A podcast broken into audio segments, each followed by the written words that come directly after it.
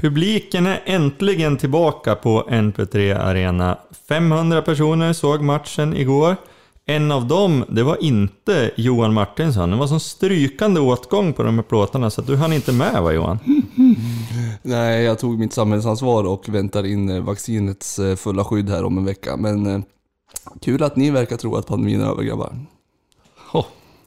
Om den strykande biljettåtgången ska vi prata mer senare. Vi kommer också prata med vår lagkapten Pontus Engblom, lite huvudspel och en viral halsduk. Och det här är som vanligt Patronpodden med mig Mattias Denkert. Johan Martinsson, Och mig, Thomas Rex. Nu åker vi! tryck på Rex.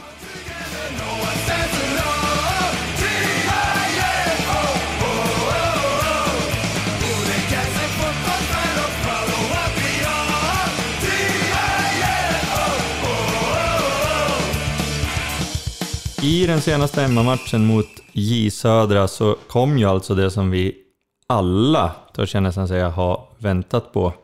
500 personer fick gå på fotboll igen efter, tror cirka 15 månader utan publik på läktarna.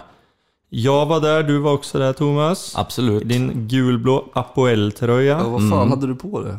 Det var Linus Hallenius eh, matchtröja från Apoel, eh, vad var det, Nicosia. Nicosia. Ja, okej. Ja, du är ju förtjust i den där inne.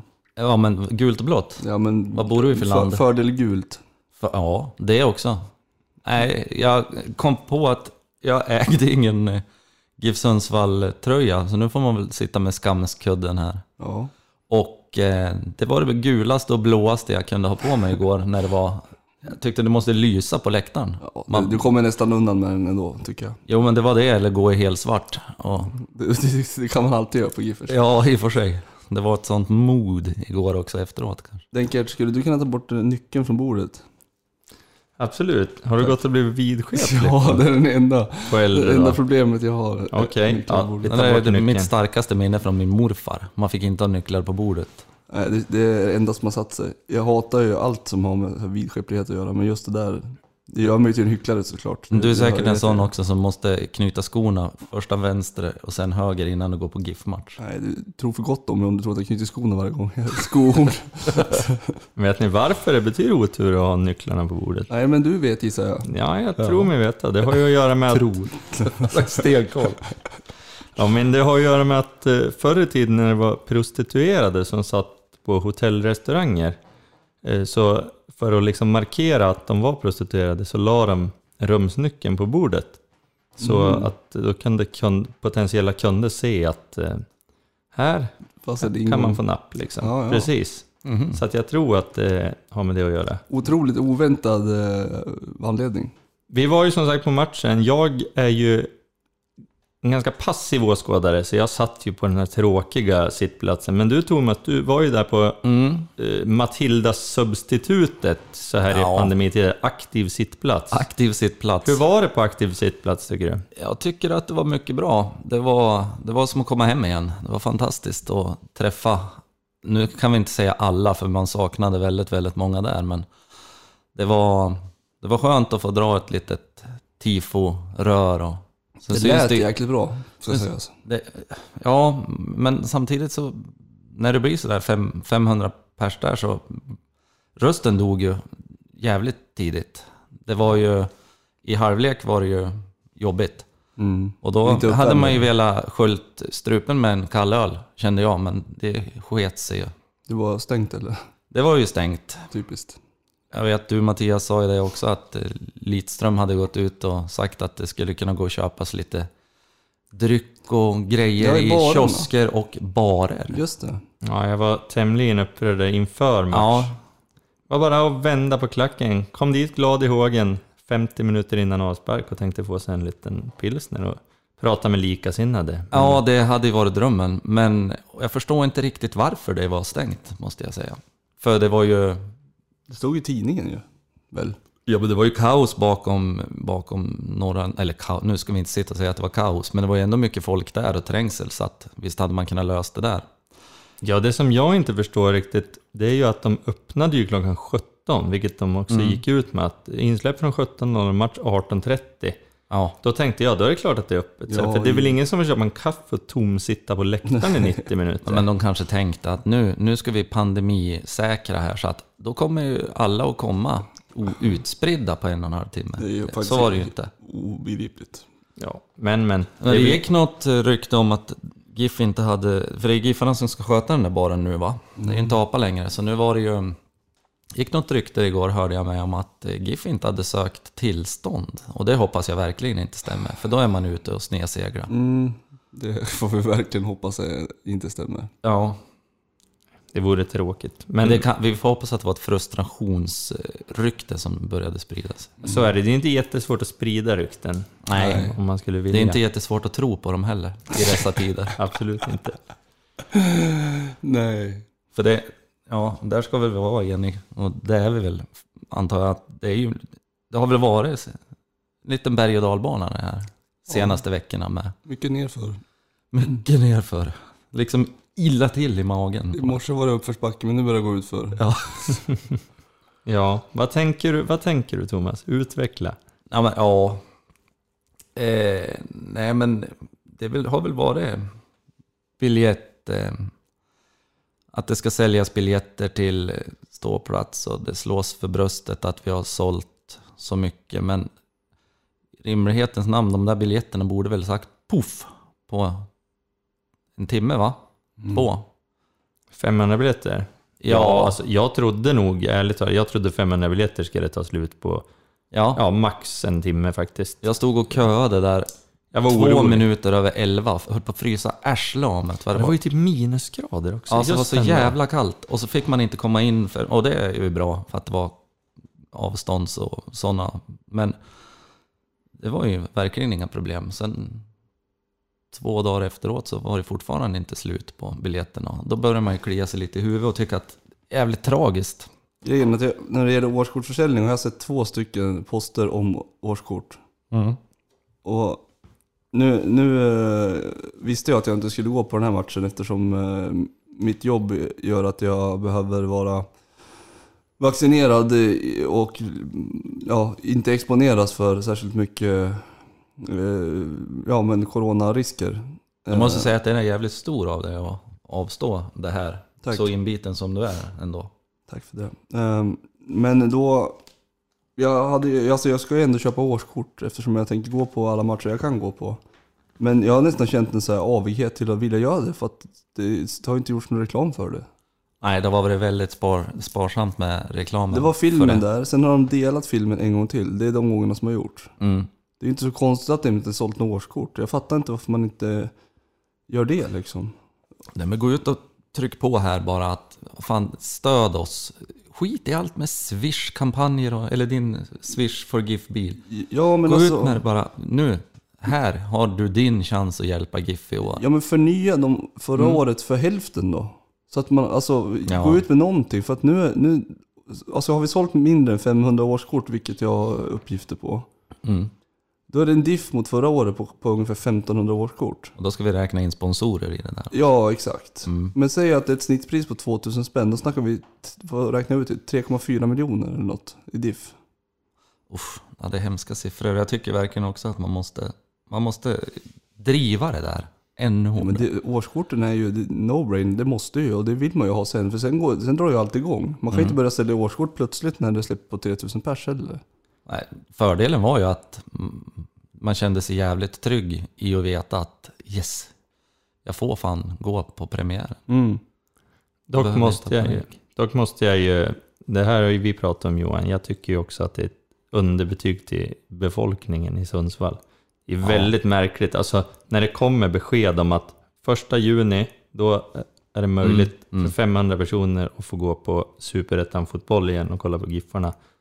Då tycker jag också att då ska det ju bara swisha till, alltså 500 pers ska väl ha köpt årskort på Ja, och har man 10 inte- minuter. Ja, liksom. om man vet- om man vet Kampanj vad- eller ej. Om man vet vart man köper dem, för att nu är ju shoppen stängd också.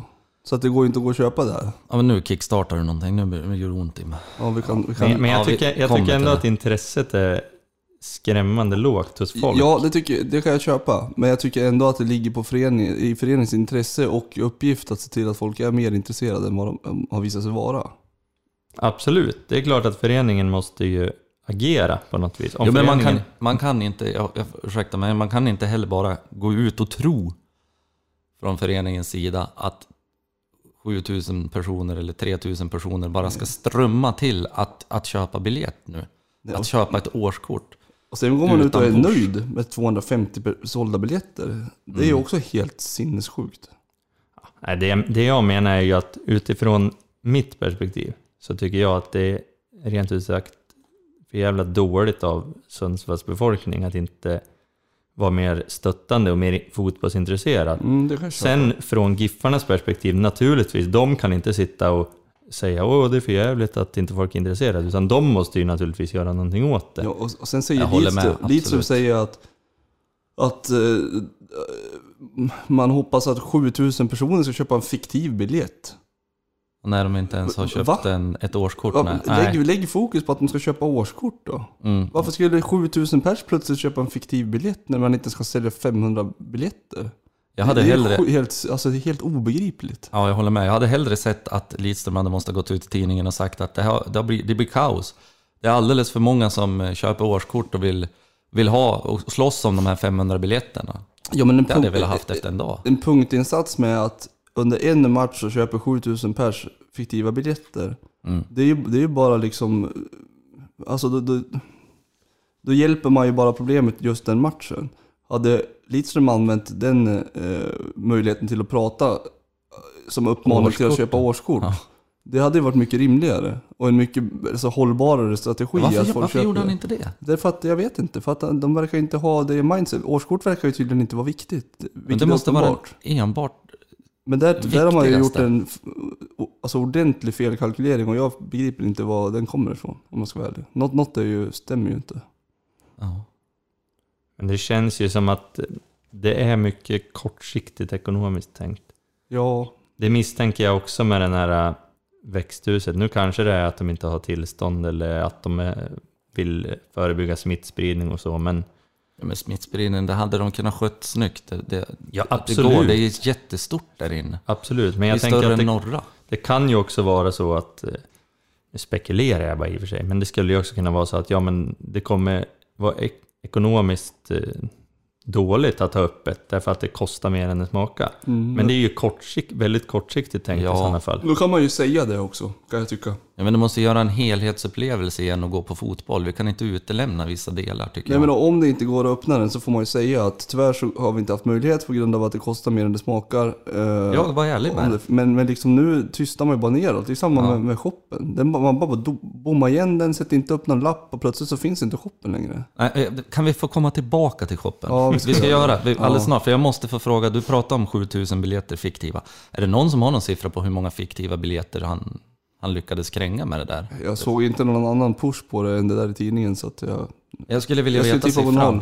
Eh, Lidström, om du hör det här så vi, vill, vi är jätteintresserade av att veta hur många fiktiva biljetter det blev Mm. sålda.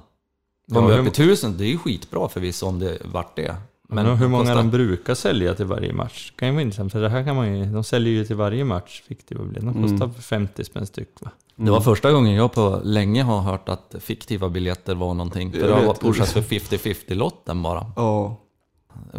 Jag tror att det är större chans att folk köper en 50-50-lott eller, eller, eller 10 stycken eller någonting och lägger pengarna på det för då än att köpa en fiktiv biljett. Men sen kan man inte stå i tidningen och säga att jag hoppas att 7000 köper en fi- vad är det? 7000, helt sjukt. Men en eh, fiktiv biljett utan att förklara vad en fiktiv biljett faktiskt är. Vilket Nej, är nej, en allmosa. Liksom en, Mm. vad är en fiktiv biljett? Hur ska gemene man veta det när man inte har skrivit något om det? Mm. Det är ju också jättemärkligt. Det är mycket som är märkligt alltså. Shoppen. Ja, den är väldigt märklig. Det är, det är en katastrof. Berätta mer Johan. Om shoppen? Mm. Nej men den bara, den bara lades ner ju. Shoppen. Det är obegripligt. D- Där man kunde köpa biljetter och årskort och allt möjligt, medlemskap. Sen la de bara ner den, rensade den, satte inte upp någon lapp om varför, har inte skrivit något överhuvudtaget som jag har sett. Möjligtvis någon blänkare på hemsidan Mm, någonstans. på hemsidan kom det ut, men det var två, två, ska jag säga två dagar efter att den var stängd. Ja, Kommer det ut att den är stängd. ja. Det är fortfarande ingen lapp där uppe. Nej det är inte det. Och, det. och varför skulle jag vilja veta? Enligt källor som jag har fått höra, nu är vi där igen med källor, men så var det en otroligt billig hyra på den där shoppen. Vi skulle väl kanske till och med kunna säga obefintlig. Mm. Och då förstår jag inte riktigt varför man stänger igen den. Det kan ju ha hända någonting med att Diös eller någonting har börjat tyckt att nu ska det pröjsas då. Okej, så att det börjar kosta mer än vad det smakar. Men man måste ändå gå ut Det med Samma där, berätta. Att den inte finns Ja. längre. Berätta varför. Alltså, man kan inte göra en liten blänkare på Lägg ut det på Facebook. Varför, Mm. varför gömmer de saker på hemsidan? Jag fattar inte det.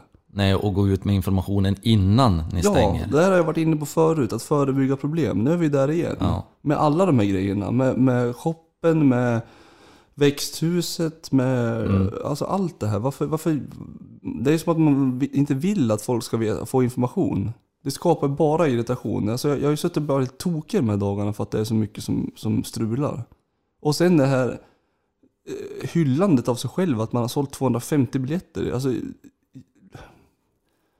åh, Jag, jag är ju faktiskt, jag har ju gnällt väldigt mycket på shoppen. Så man kan ju tro att jag skulle tycka att det här är jättebra, men det gör jag inte. Jag tänkte säga det, hur är det med båset och korna? Ja, men fast du har väl gnällt på att den inte har gjorts Ja. tillräckligt bra? ja, Inte att den funnits.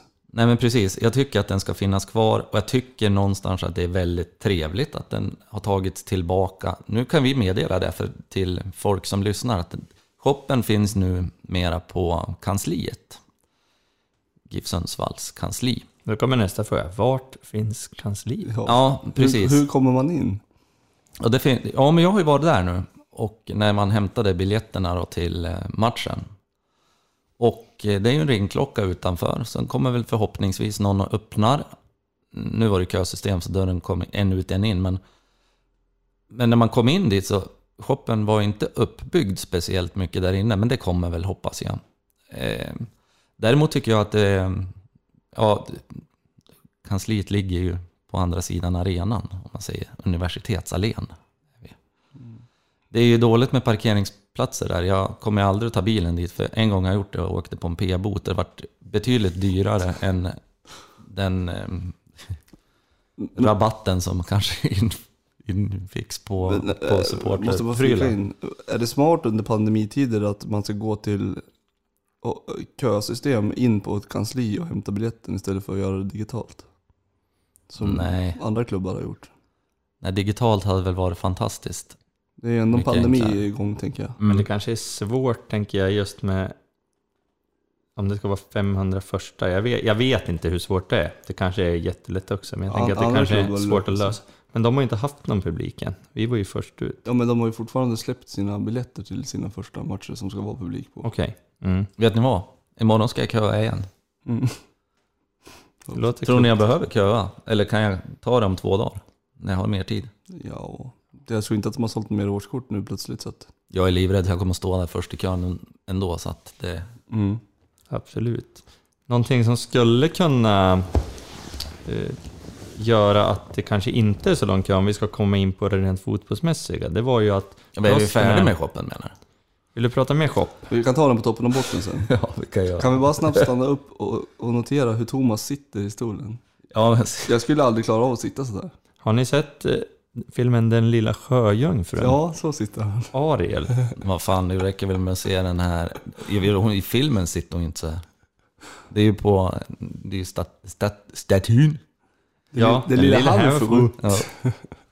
Någonting som kanske gör att det inte kommer bli någon större rusning till biljetter imorgon heller. Imorgon torsdag när då biljetterna släpps till guys matchen Det är ju att hur jäkla trevligt det än var att få gå på matchen igår. Hur Mm. soligt och fint det än var. Hur tårögd jag än blev när spelarna kom in på planen. Så blev det ju torsk med 2-1. ja, hur fan gick det till? Ja, det undrar jag fortfarande också. För alltså efter en kvart trodde jag det skulle bli 5-6-0. Vi var bra, var bra. Men är det inte alltid så här att när det har varit fullsatt så har GIF fått stora skälvan? Nej, nej, nej. Nej. 6-0 mot Ängelholm va? Hemma, fullsatt i sista stol. Ja, jag har lite samma Ja. bild som Rex ändå. Det finns ju, du har ju några sådana. Ja, men jag den köper jag kom den. på var ju ÖFK 5-0 Ja. hemma mot Östersund.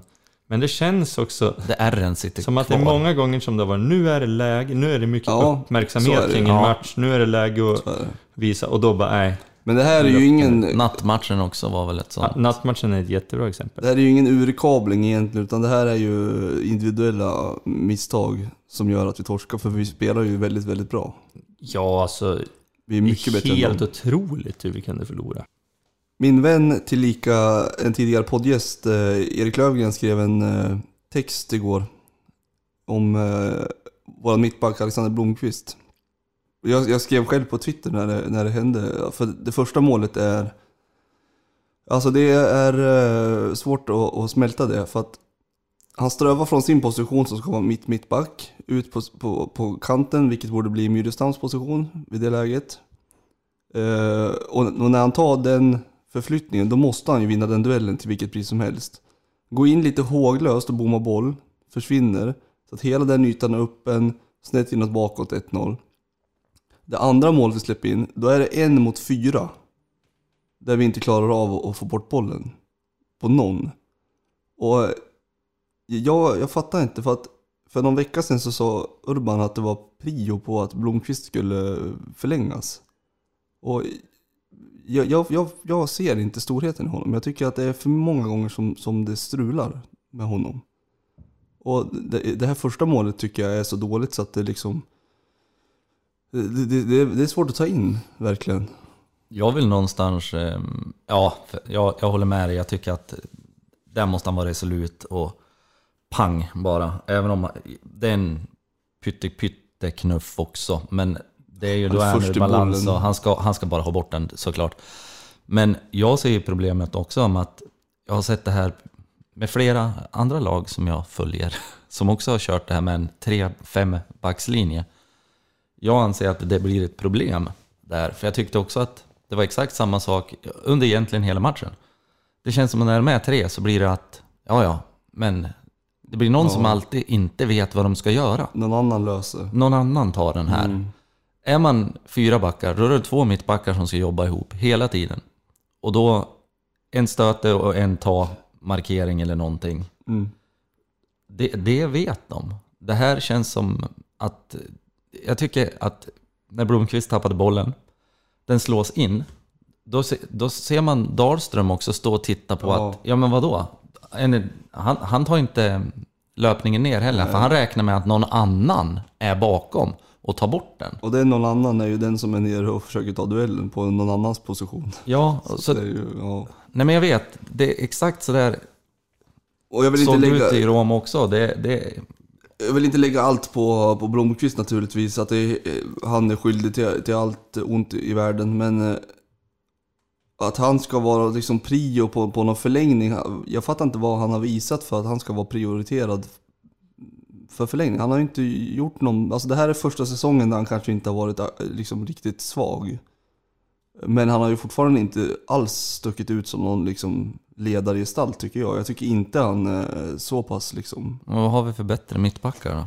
Nej men det går väl att hitta nya mittbackar. Ja. Varför, varför måste vi förlänga med honom i, i maj liksom? Nej, vi hade en kille i Sandviken som var jävligt bra när vi var och tittade på den, när vi poddade därifrån. Ja, Som också ryktades. ja precis. Men det kan ju finnas Ja, andra. Men det är jag fattar bara inte varför man ska förlänga med honom nu. Så, han har, ja. Men vet vi någonting om Stenshagen? Varför han inte får spela någonting? Jag, jag har ingen aning om Stenshagen ska vara lite Han har men jag tror spelat att Han spelade väl matcher. sist va? Gjorde Ja. han? Ja, men han, ja, okej då. Men han har kan- spelat väldigt lite. ja, Ja. jag vet inte. Eller?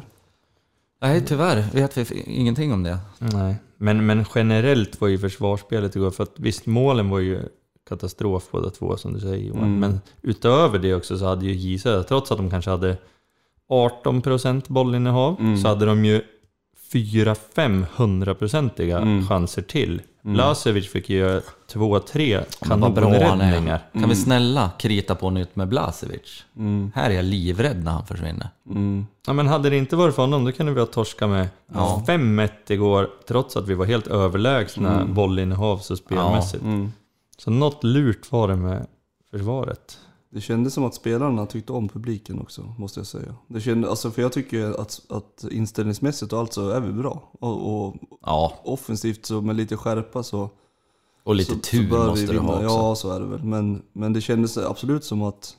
Jag tycker inte att det är en dålig match av oss. Och jag tycker inte att man liksom chokar egentligen. Men försvarsmässigt så, det här är ju återkommande.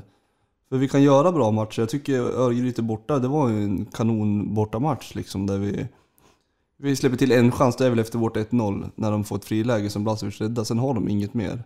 Jag tycker Öster borta, de har något långskott liksom. Men de har inte heller någon chanser.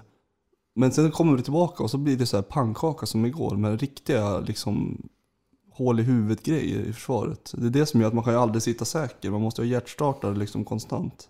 Mm. Mm. Men det är därför jag vill, ja, men jag vet inte om det löser problemet. Men det är som jag säger, sug till en till eh, defensiv mittfältare istället och dra bort en back. Nej, vi Kör måste två. ha en mitt... Jaha, du tänker så. Okej, ja. Ja. ja. jo. Alltså det är Så- konstigt att spela med tre mittbackar när man inte ens har två bra. Ja, det är precis. Tycker jag. Anton Ja. Eriksson är ju, jag tycker han är våran bästa liksom. Ja, och han var ju borta igår. Han är ju på landskampsäventyr. Kul för honom faktiskt. Ja, Ja, otroligt kul. Det är, Mm. absolut. Det är en värld. Men offensivt, som vi säger, det såg ju bra ut. Till och med väldigt bra ut. Förutom då att träffa inte mål. Nej. Nej, Nästan vartenda avslut går ju utanför. Erik Andersson hade... 17-6 i avslut hade vi Ja, tror det jag. är helt sjukt. Då hade Jönköping alla deras sex på Ja, det var kanonläge. Ja, Erik Andersson hade felkalibrerade fötter. Ja, verkligen. han drog med högern också någon gång där. Ja. Men du, kommer den ihåg när vi, när vi ringde den här trelleborgaren så sa han att han var bra med båda fötterna. jag ska ringa, ringa upp honom något avsnitt och fråga vad han menar med det. Ja. Men han var, gjorde det bra på målet. Vet du vem jag tyckte var Absolut. jävligt bra igår och kul att se? Som jag Har han tyckte jag ett fått... efternamn som är som en metall? Ja, Ja. det har han. Jag tyckte han var guld värd igår. Ooh. Silver. Ja. Jag tycker han har blivit... Ja, han har varit bra sista matcherna. Sista matcherna tycker jag han har ja. gått från klarhet till... Mm, eller oklarhet till klarhet. Jag gillade också pondusen han visade på plan. Han var ju Mm. förbannad och Ja. jagade på. Och Jag gillar också Silvers utveckling, helt klart. Han var Ja, riktigt bra. jätteroligt. jag tror jag inte gillar med Silver. Nej. Att de har ju placerat reklamskyltarna för nära sidlinjen så att han kan inte kasta voltinkast. Ja, det ser ju. Vi skälper oss själv alltså det är helt sjukt. Man tänkte nu blir det voltinkast, det här har jag sett på TV. Alltså nej, Men- för, men- för kort ansats. Ja, då kastar Men Blomqvist istället. Blomqvist och kastade typ så här ett 500 meters inkast istället? Ja, han kastar långt Jävlar det vad roligt han kastade. Mm, ja men det är sant, absolut. Men, det Men är inte, han flash. vår Nej. bästa, är inte han vår bästa huvudspelare? Nej, det har vi kommit fram till att det är han inte. Nej, det han har inte så. nickat på tre år för fan. Nej, han höjs ju till att Så vara vår bästa huvudspelare måste ju vara till Pontus Engblom. Men Ja. i försvaret kanske du tänker? Fan vad jag gillar Pontus Engblom ändå. Absolut. Alltså han är en boxspelare som, alltså man, jag vet inte. Det, det finns någonting med Pontus Engblom som gör mig så lycklig på något vis. Han kan se arg ut, det gillar jag. Ja, och så är han, han är inte så involverad, han ser inte så snabb ut. Men det är bara, han bara är där och, Han är involverad och snabb. jag vet. Är han lite som vet. Batistuta? Ja, Jan Koller.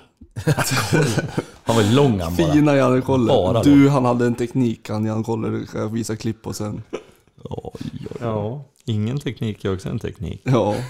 Men man ska komma ihåg då, trots alla, alla negativa grejer som man har kommit med här så ligger vi ju trea ändå. Det hade varit jäkligt fint med seger igår. Ja, och, och vi var på plats, det, det är fan... Det var nästan så att man sket i resultatet. Man tänker efter, fast man gör ju inte det. Nej, men jag förstår vad du menar. Det var jäkla härligt att bara sitta där i solen. Ja, men det var väldigt konstigt. Sitta. Ja, jag sitter ju jämt, jag är ju passiv. Jo, men alltså smittar vi mer när vi står? Det, det förstår inte jag, för vi har ju fortfarande vår plats. Nej, men det är väl några regler som måste finnas, antar jag. Nej, det måste inte finnas Johan. Nej, det är någon som har hittat på de där reglerna men, men för är att, inte, för att ni, måste väl ha, kontrollera. ni måste väl ha lucka mellan varandra när ni sitter? Ni får väl inte sitta bredvid varandra? Det är Nej, väl ja, tomma om det- stolar emellan? Ja, om det inte är i en familj så att Ja, du har hämtat. precis. Men Och ja, så det är kan de tomma inte, stolar. Så kan de ju inte ha på ståplats, så att det är liksom lucka. Nej, men varför kunde inte jag få stå på min plats igår menar jag? Bara du? Nej, men om alla andra kunde få stå där också på aktiv sida. Jo, men då blir... Bara ja, du menar så? Att ni får Mm. stå... Ja, okej. Ja, det kan man ju prova. Men var det någon som kontrollerade det? Ja, ja, ja. Kom Det var- Vesslan liksom och slog med en käpp om ni ställde upp? Säkerhetsansvarige Anders Westlinder. Ja, Ja, han var noga med att säga åt oss att sitta. okej. Ja, Det, det kunde ni inte tro va? Fy Men han är busschaffis va? Ja. Får man inte heller stå? Sitt i bussen. Ja, precis. Men vi, Ja. ligger, vi ligger tre i alla fall. Det gör vi. Ett glädjeämne. Men vi är egentligen tvåa för vi kommer ju gå om Norrby vi...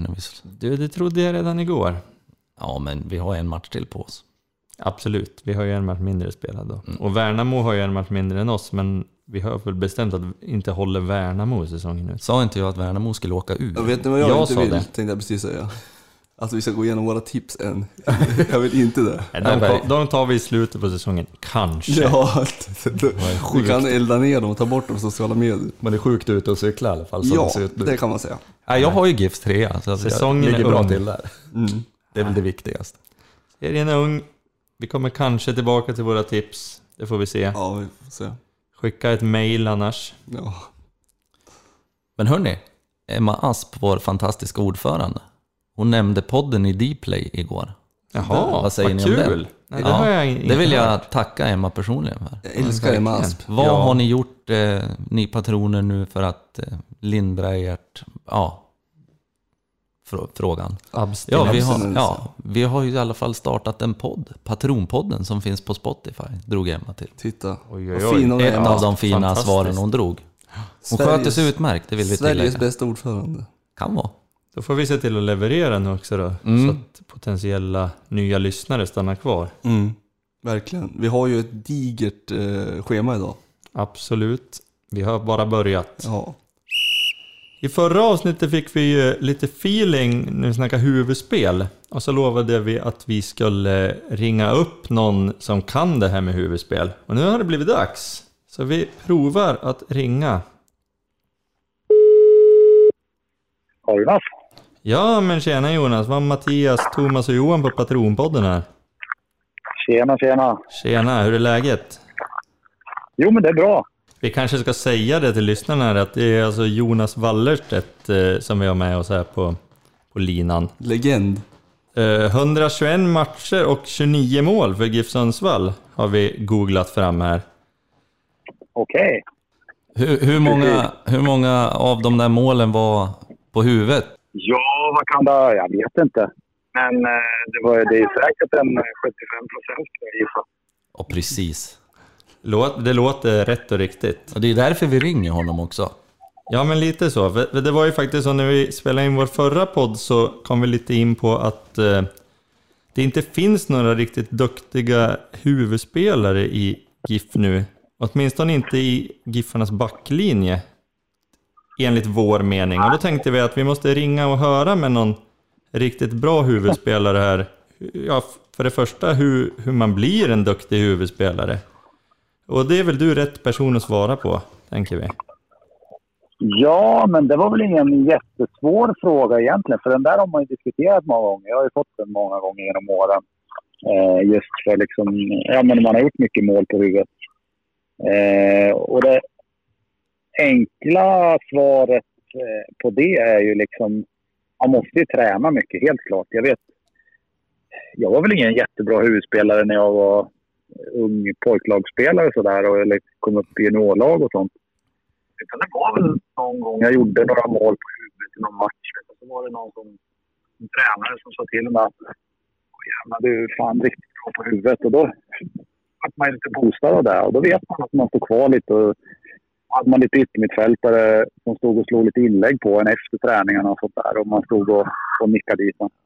Mm. Eh, så att det blev att man tränade väldigt mycket på, på det. Och sen såg man ju att resultaten kom ju. Att man brukar säga det oftare, att ja, du kan vara ute och springa i skogen, du kan köra styrka och få din snabbhet kan du öka liksom bara med några ja, procent kanske, liksom, några enstaka procent. Men när det gäller avslut framför mål, stå och slå inlägg och nicka in dem, då kan du liksom öka din, eh, ja vad ska man säga, eh, resultatet med kanske det dubbla nästan. Så att tiden man lägger på sådana bitar är ju så mycket mer värt än att kanske vara i gymmet samma tid och tro att man blir liksom, ja, 500 delar snabbare på 100 meter. Liksom. Mm. Det kan ju vara viktigt såklart, men för mig var det väl, det var ju, blev ju en av mina spetsegenskaper. Och då blev, då blev det att man eh, tränade väldigt mycket på det också. Eh, både som, eh, ja men att göra mål, men även att kunna försvara hörnor och sånt där defensivt. Men uh, du är inte så lång heller egentligen va? Om man ser till huvudspels... skickliga huvudspelare. Hur, hur lång är du? Jag är ju 1,80 var jag under min karriär, men nu tycker när man har mätt så är jag typ 1,81. Jag vet inte vad som hände. Okay. det brukar ju bli... Nej, jag tror att det var någon sån som hängde med. Man mätte så någon gång sådär lite slarvigt. Och sen stod det i alla sådana här program och, ja, just och ja, Wikipedia. Eller jag tänker, osökt, osökt in och tänka på Robert Mambo Mumba också. Han var ju inte heller speciellt lång, men en fantastisk nej, huvudspelare. Nej. Nej, men då kanske man kommer in lite på andra saker då, liksom. Inte bara att man ska träna mycket, utan mycket handlar ju om tajmingen i huvudspelet. Det är ju, det är ju verkligen A och O. Att, jag menar, du, du kan ju kasta upp en boll och så ska någon nicka den. Där kan du ha en fin och bra teknik, men det är ju det är inte bara det heller. Utan du ska ju ha en bra teknik och komma upp spänstigt och bra, hoppa och nicka bollen. Men det gäller också liksom att vara lite högre och lite före din motståndare. Mm. Eh, det brukar jag ibland se mycket på sådana här ja, men, just actionbilder som de här som står runt nät, eller runt eh, fotbollsmålet liksom, när de står och tar de här, de här långa kamerorna så blir det väldigt, väldigt fina närbilder och man ser att någon är lite högre än den andra. Och det är inte att den ena hoppar högre utan det är ju just tajmingen att man kommer upp före motståndaren och kanske håller en liten armbåge liksom på den andras axel. Så där. Inte oschysst, utan bara liksom att den andra kommer inte upp helt enkelt. Men det har mycket med, kan jag tänka med, med, med skalle och jag också. Alltså att man är orädd och så. För jag vet ja. att typ Peter Crouch kom till Liverpool. Han är ju två meter åtminstone, om inte mer. Och han var en ganska ja, dålig huvudspelare från början. Han utvecklade det med tiden, men han, han var ju verkligen ingen bra huvudspelare när han kom till Liverpool. Nej, Nej men det är som jag sa, liksom, alltså, du kan ju bli så enormt mycket bättre på det genom träning. Mm. Det, är, alltså, det är klart att du kan spetsa din teknik liksom, och allt sånt där. Ja, känsla med bollen och så här, det kan du ju träna jättemycket. Men just när det gäller avslut och såna här just enskilda grejer. Om du bara står och möter det hela tiden så blir du så himla mycket bättre. Mm. Det, det, finns ju inga genvägar liksom. Jag måste fråga en sak Jonas, jag tänker på um, en sak som jag lärde mig mycket när jag höll på och skulle bli bättre på huvudet. För man, det var um, timingen, alltså att, att det, var väldigt, det är väldigt noga för mig att se en tillslaget på bollen. Hur pass viktigt tycker ja. du att det är? För att då kan jag läsa precis vart bollen hamnar och då kan man ta sig till positionen. Tänker du i ett inläggsläge eller? Ja, eller en, säg en hörna, en hörna, till, en hörna till exempel. Ser inte jag tillslaget då, då är jag lost. Då är jag inte först på bollen. Men annars är jag oftast det. Ja, men så är det absolut. Eh, det håller jag med om, helt rätt. Ja. Eh, det är ju, för då tappar du bollen några sekunder, ja, men då blir det, det, det är där tajmingen kommer in också. Att det är inte bara att du hoppar före motståndaren, utan det handlar om också att du ska ta dig till den platsen där bollen dimper ner. Mm. Det, kan ju vara, det, det, kan ju vara avgörande om du liksom backar bak en, ja, men en sån här klassisk V-löpning brukar det ju vara lite i hörnsituationer. Att man, liksom, man drar, backar bakåt lite för att dra med sig sin markering. Och sen så går man liksom stenhårt sen mot bollen när man väl ser var den kommer någonstans. Mm. Eh, så att, helt klart, visst är det så. Hur mycket tjuvnyp är det då? Ärligt nu. Ja, och armbågar. Är det viktigt att man kan ta för sig och våga använda lite knep? Jo, men det är det väl. Just sådana där grejer var det ju väldigt mycket tycker jag liksom, när man spelar. Inte att kanske vara så himla oschysst och jag menar, armbågar och sånt där. Utan det handlar väl om lite att göra de där ja, rycken, liksom, V-löpningarna. Att man drar med sig motståndaren och så får han en liten knuff liksom, i sidan bara lite försiktigt. För att man, annars är det ju när du försvarar, då vill du ju göra tvärtom. Att då vill du ju nästan hålla om motståndaren lite försiktigt så att det inte syns. Liksom. Det är ju samma där. att eh, när man är, för det, det, är ofta så man har tänkt också. att Man vet ju själv, eftersom man var alltid nere och försvarar på hörnen, så vet man ju lite vad är det som är svårt när motståndaren gör det. Och det är just det där att när de är lite rörliga och helt plötsligt så blir, kommer ett ryck bara. Att man eh, de fintar lite och så liksom knuffar de till den lite och så går de mot bollen. Det är ju det svåraste liksom, som försvarare. Och det försökte man ju ha med sig som som eh, när man var den offensiva spelaren och skulle göra målet. Så eh, ja, men det, det var ju det man försökte då. Vi, vi satt eh, här förut Jonas och pratade lite om eh, att vi fick vara på fotboll igår. Två tredjedelar Ja. av oss här i podd- podden i alla fall. Och eh, hur mycket följer du GIF idag? Ja, men det är klart man följer GIF. Alltså, ja, som naturligt har jag inte sett så mycket matcher live då, men det är ju en del Nej. som smiter in på lite restauranger och sånt där vet man ju. Mm. Jag vet inte, Fimpen, han var väl bårbärare ett tag va? Eller, Ja. eller bara rykten kanske? Fimpen lyckas alltid ta sig in. En Fimpen är överallt. Jag tänker, jag tänker bara på det, hur, hur, eh, vem skulle du säga är Giffarnas bästa huvudspelare i, i dagens lag? Alltså jag tycker ju... Jag menar, jag har ju spelat med Pontus mycket och vi övar, alltså, tränar ju mycket sådär och körde inlägg och om det var någon som ville slå lite inlägg så var ju han ofta med och körde. Och jag tycker att han är... Så är det ju klart med målskyttar också. Ibland sätter man dit dem och ibland liksom har, är man lite svacka. Och det, så har väl, precis som en annan också, har varit ibland sådär att ibland sitter allt och ibland sitter inget. Liksom. Ja, Eh, men då gäller det att komma tillbaka till det. Och det där vet man ju. Pontus, han, han är ju duktig på det. Tack så Ja. jättemycket Jonas för att du Ja. tog dig tid att ställa upp. tack Mycket jättemycket. intressant. Ja, men tack själv. Ja, ha det Ja. gott. Ses på arenan. Det gör Det gör vi absolut. Ha Ja. det så fint. För några veckor sedan så ryckte vi till här i Patronpodden när vi blev uppmärksammade på att eh, en GIF-halsduk syntes i ett YouTube-klipp med eh, Mustiga Mauri eh, i hans program Uppdrag Mat. Johan, du bestämde dig för att ta tag i det här och kolla vidare. Hur fasen det här kunde komma sig? Ja, eh, exakt. Jag blev uppmärksammad av eh, det skarpsinnade ögat eh, Jonas Sjödin som hade sett detta. Och eh, via kontakter fick jag tag i Mauris nummer, smsade honom och eh, fick kontakt med, med Hubert som, som är hans klippare. Som hade den här halsduken. Vi behövde reda ut det helt enkelt. Och det ska vi göra nu. Det ska vi verkligen göra. Hallå där. Ja men tjena, det var Johan Martinsson här från Patronpodden. Tjena, tjena. Hallå, hur är läget? Det är bara bra tack. Hur är det själv? Det är bra, det är bra. Nej, men det var ju så att våran, eh, våran supporter Jonas Sjödin, han visste att jag var ett stort fan av, av Mauri. Och eh, han noterade att du hade en, eh, en stolt giffare-halsduk i, i något av era eh, klipp helt Mm. enkelt. Exakt. Och eh, då skickade han det till mig. Mm. Och då blev man ju Har såklart... du sett klippet?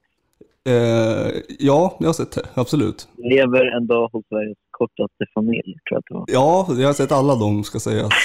Vilket gör mig Ja. kanske, kanske gör mig lite läskig. Men, eh, men då undrar man ju helt enkelt va- varför, varför hade du en stolt giffare-halsduk? Det var en eh, kall dag i februari, helt enkelt. Jag skulle till jobbet. Ja. Vi skulle spela in, träffa Sveriges längsta man. Mm. Eh, och eh, det var lite kallt ute. Jag bor med två kompisar. Mm.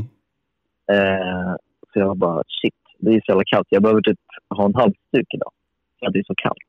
Mm. Så kallt är det. Ja, då, då är det Så kallt. går jag upp, knackar på hos min kompis.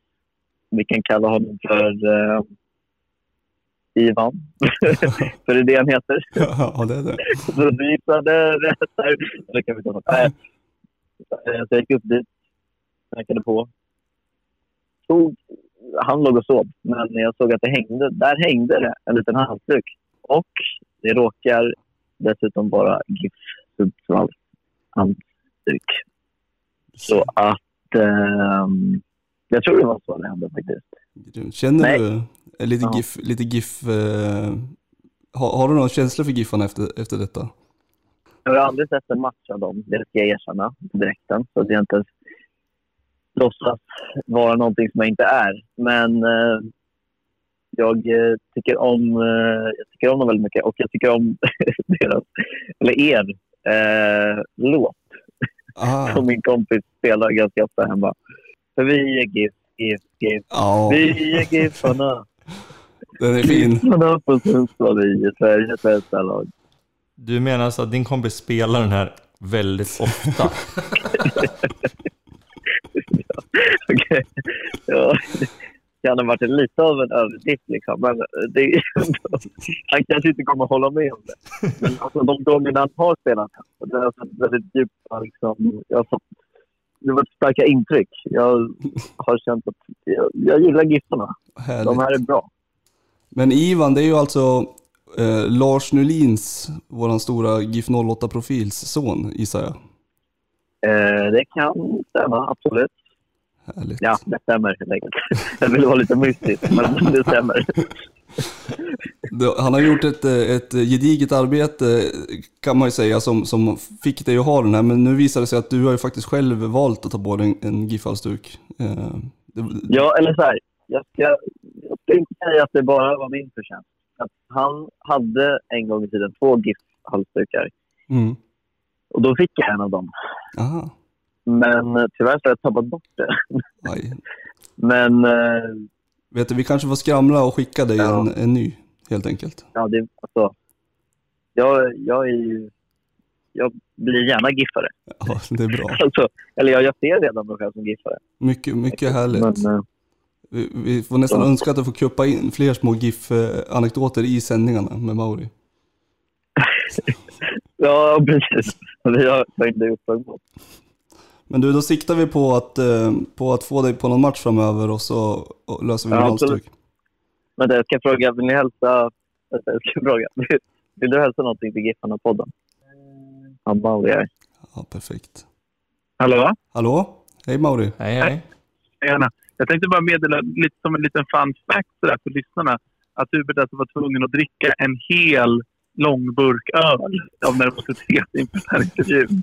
Är inte det rart? Det är intressant. Det är jättefint. Det är intressant. Men du, vi fick, vi fick ju nyss ett, ett tips här att eh, ett förslag var ju här att ni skulle köra lev som en giffare under en dag. Och det tycker jag att ni ska köra på, men Då ingår det jag långburk. Jag har lovat dem. ja. Jag ska, jag Men- ska, jag ska, jag ska, jag ska lägga den i, långt, långt, långt ner i idéboxen och låta den marinera. Det är ganska hälsofarligt kan jag säga, så att det kan vara lite spännande. Jag tänker på det, men jag gillar Giffarna. Tack. Jag gör det. Vad härligt grabbar. Vad, vad snällt att ni ställde upp båda två. Coolt att varit med i er podd tycker jag. Ja, det är nog mest coolt för oss tror jag. Eh, men eh, trevligt att talas vid. Detsamma. Sköt om er så detsamma. mycket. ja, det var ju jävla härligt snack där med Mauri dök upp också. Ja, Ja, men vi får då ringa den här Ivan det gör vi. och kolla om man vet att folk brukar sno hans halsdukar. Ja, det, det måste gå till botten med. Hej Ivan. Ja, men tjena Ivan, var Mattias här från Patronpodden. Ja, tjena, tjena. Tjena, hur är läget? Nej, men det är bra, tack. Ha- Halsduksgate. Vet du för det första om det här att du har rumskamrater som olovandes går in och tar dina kära GIF-halsdukar? Nej, det var faktiskt eh, det var nytt för mig. Jag, jag hade två sådana giffare på rummet. eh, Så jag hade inte ens märkt att den var, att den var borta. Eh, Så det var ett slag under bältet. Men, men samtidigt, om den fyller sitt syfte, giftpropaganda har inte, kan jag inte säga, tacka nej till. Nej, det fick ju bra, bra genomslag ändå när Jonas Sjödin, vårt supporteröga, uppmärksammade den nere på klippen där. Ja, ja men precis. Ja, Jag var faktiskt chockad när jag såg det själv. Alltså, eh, jag brukar inte snacka så mycket om jobbet, så jag hade inget, eh, inget att gå på där. Men du förstod att det var din halsduk? Ja, precis. Det fanns inte så många andra bovar. alltså inte.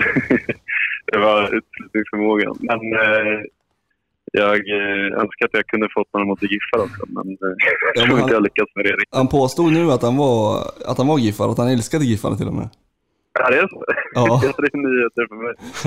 Han bara, jag har inte hört så mycket om säsongen. Han kanske är en uh, bandwagon-fan. Ja, han har lovat Han att... dyker eh, upp när vi går upp i Allsvenskan. Ja, han ska, han ska gå på en match har han sagt. Och vi ska bidra Ja, med en halsduk till honom. Ja, men perfekt. Ja, men, visst sa han så att han, visst sa han det, att han hade fått en halsduk Ja, av dig? Var det så? Men att han har tappat bort den? Ja, jo, men jag har hört det nu på senare. Jag hade inte märkt det. Men eh, så meningarna fått går isär där lite.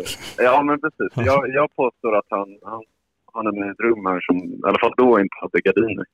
Eh, så han hade alltid halsduken där som ögonbindel på natten. Eh, och jag menar att jag sa att, eh, jag sa att du, får, du får behålla den här och använda den om du hänger upp den så att den är tydlig från gatan. Eh, för lite, sprida lite, ja, Ah.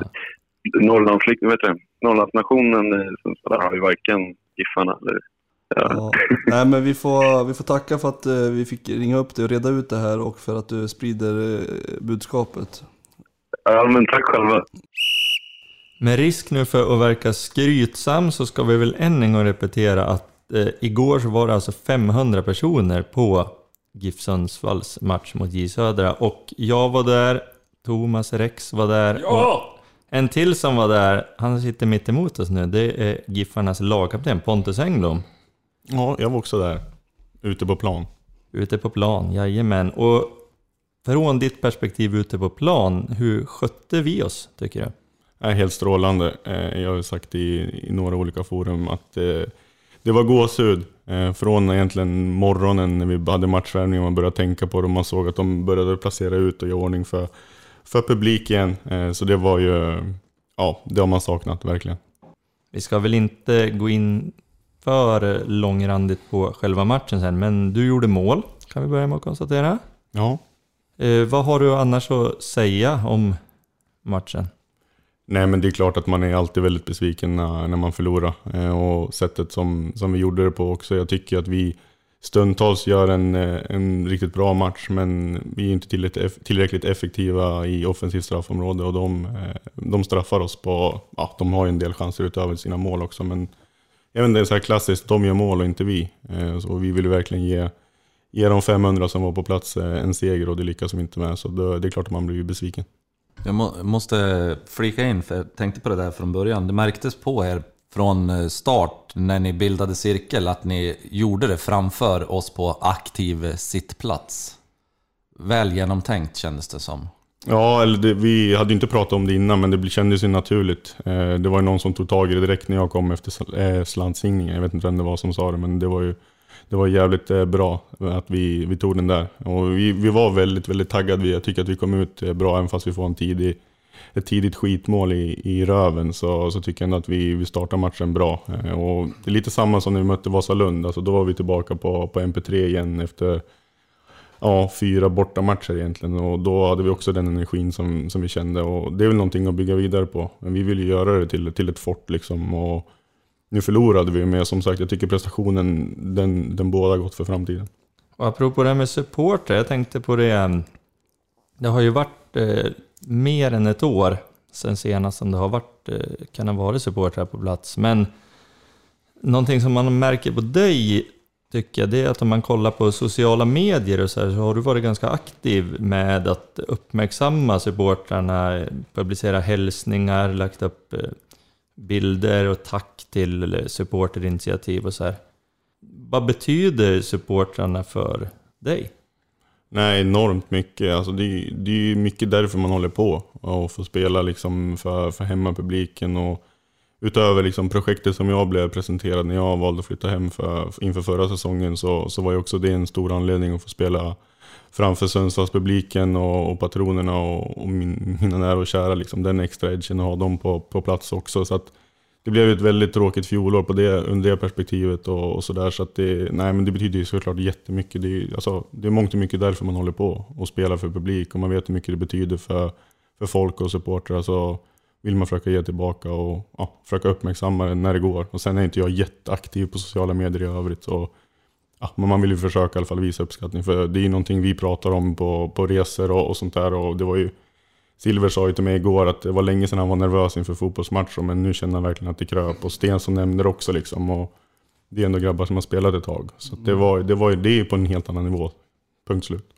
Jag hade en fråga på, på, på det ämnet som jag hade tänkt eh, innan. Just det här med att komma hem till den stad där man är ifrån. Eh, när man får den frågan, finns det en rädsla i att så här, Eh, att komma hem och att veta att det är så många som man känner som man ska spela inför, att det finns en liksom större oro att ja, men missa ett öppet mål eller liksom, finns det någon sån rädsla när man funderar på, på beslutet liksom? Eh, jag förstår frågan, för att nu kan jag dra en historia. För att när jag kom på lån 2011, eh, blev utlånad från, från AIK, så sa min dåvarande agent att om jag verkligen var säker på att göra det. Eh, Och då var jag 19, skulle fylla 20. Och för mig var det liksom inget snack om saken. Och, och komma hem och få spela i laget i stan. Vi hade aldrig representerat Giffarna innan det. Men han kunde inte riktigt köpa, eller köpa det gjorde men han förstod det inte riktigt. För han var ju liksom inne på det där. Att det är liksom, ja, även fast det är en nivå ner så är det liksom du blir ju alltså, du blir aldrig profet i din egen hemstad. Liksom. Ja, Men- visst. och jag hade aldrig tänkt på det på det sättet och gjorde det inte då heller. Och, och inte gjorde det den här gången. Men jag förstår frågan. Mm. Du är på god väg att bli profet i din egen hemstad. Ja, det är en bit kvar dit. Men du har ju varit runt en del, du har ju varit liksom, nu har det inte varit någon publik särskilt mycket sedan du kom hem den här gången, men du har ju varit här tidigare och du har även varit runt i en del andra klubbar. Ehm, hur tycker du att supporterkulturen i Sundsvall står sig om du jämför med andra ställen du har varit på?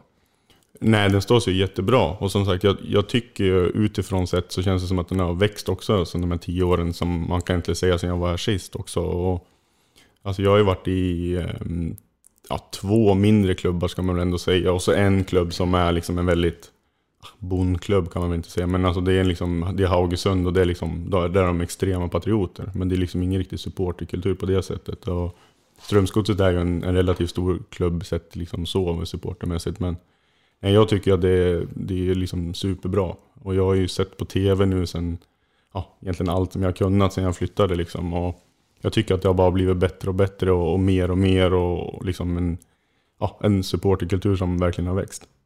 Jag noterade att eh, Haugesunds supporterklubb heter Måsberget. Ja, korrekt. Måkeberget på norska. Har du någon Eh, kommentar till det? Nej, jag vet inte riktigt själv. Jag vet att de har en, eh, jag tror att de har en mås på loggan. Och det är väl någonting därifrån, men mer än så vet jag inte. Vi kan bolla vidare till David Myrestam, han kanske är bättre på. Falkarna. Ja. Falkberget. Men om de har en mås på loggan och så kanske läktaren då blir berget. Så, om vi får gissa. Ja, kanske. Ja. Men Jag tror vet inte att det har något historiskt sett. Det är, det är ganska ung klubb också. Så att, Just det. nej, det, det är ett eh, tärningkast ett namn. Ja. Just det. Men vet ni vad Sandefjord supporterklubb heter? Då? Nej. Pontus vet säkert. Blåvalarna. Nej. Och Blågiffers. Ska vi se. verkligen. Sannes Ulfs heter Gaukeriet eller något sånt där. Gaukeriet. Det är sån Ja. där, Verkligt. jag vet inte vad riktigt vad det är. Jag försökte google-översätta det. Gaukereiret uttalar jag det, men Ja, det kan stämma. Jag, jag vet att jag har fått, eh, fått lite hån över det. Jag uttalat det där borta, så jag tror att du är närmare rätt än vad jag men, är. men jag fick ingen... Google lyckades inte översätta det åt mig. Nej, jag tror att det har någonting med någon lerduveaktigt eller något sånt där. Jag vet inte riktigt vad det är. Någon du, jag vet inte riktigt vad det är. För jag fick ett årets spelare där, då fick jag en gök. En sån här, En lergök. ja, exakt. Jag vet inte om det är...